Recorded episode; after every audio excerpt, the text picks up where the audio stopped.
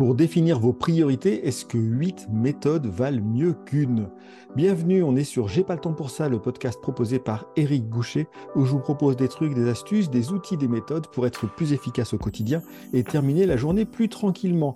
C'est l'avant-dernier épisode de cette deuxième saison et on fait un petit récap finalement avec cette belle proposition de Justin Wright qui a mis sur une même feuille huit méthodes différentes pour définir les priorités, que ce soit pour soi-même, en équipe ou pour les leaders. Avec cette belle introduction que j'aime bien, avant que vous définissiez vos priorités, faites en sorte d'avoir des objectifs précis. Le fait de connaître vos objectifs vous permettra d'identifier ce qui est vraiment le plus important. Ça va mieux en le disant.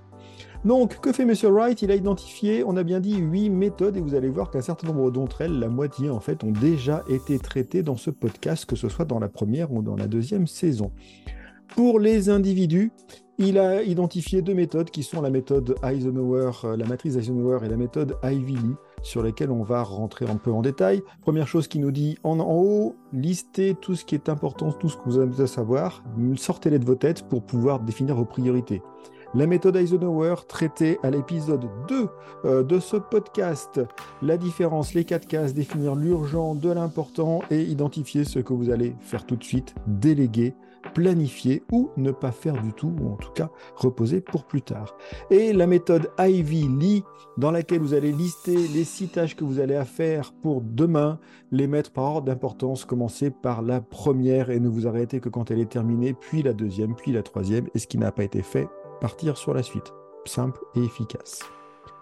Pour les équipes, Justin Wright identifie trois méthodes, la méthode Moscow, la méthode Rice et la méthode ABCDE même chose que pour les individus, la première étape, c'est évidemment d'identifier les tâches que vous avez, et en l'occurrence, pour le coup, les tâches de l'équipe, de préférence dans un espace partagé, et ensuite de pouvoir définir ensemble ce que vous allez faire. Pourquoi équipe et individu On l'a vu dans l'épisode 33, la méthode Moscow s'applique bien et mieux sur des choix collectifs à faire. À l'origine, elle était pour des définitions de produits.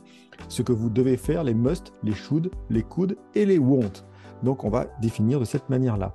La méthode RISE, elle, s'intéresse à l'impact.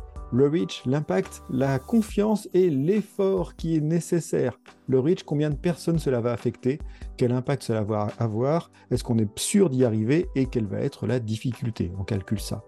Et enfin, la méthode ABCDE que je vous ai présentée à l'épisode 16 et que j'avais moi trouvé dans Time Power de Brian Tracy, de déterminer les choses les plus importantes, un peu plus importantes, ce qui est sympa à faire, ce que vous allez déléguer et le E, ce que vous allez éliminer.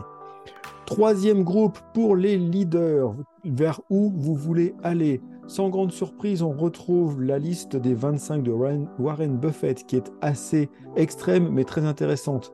Listez vos 25 projets, mettez-les par ordre d'importance, conservez les cinq premiers et évitez les autres à tout prix et ne vous occupez que des cinq premiers.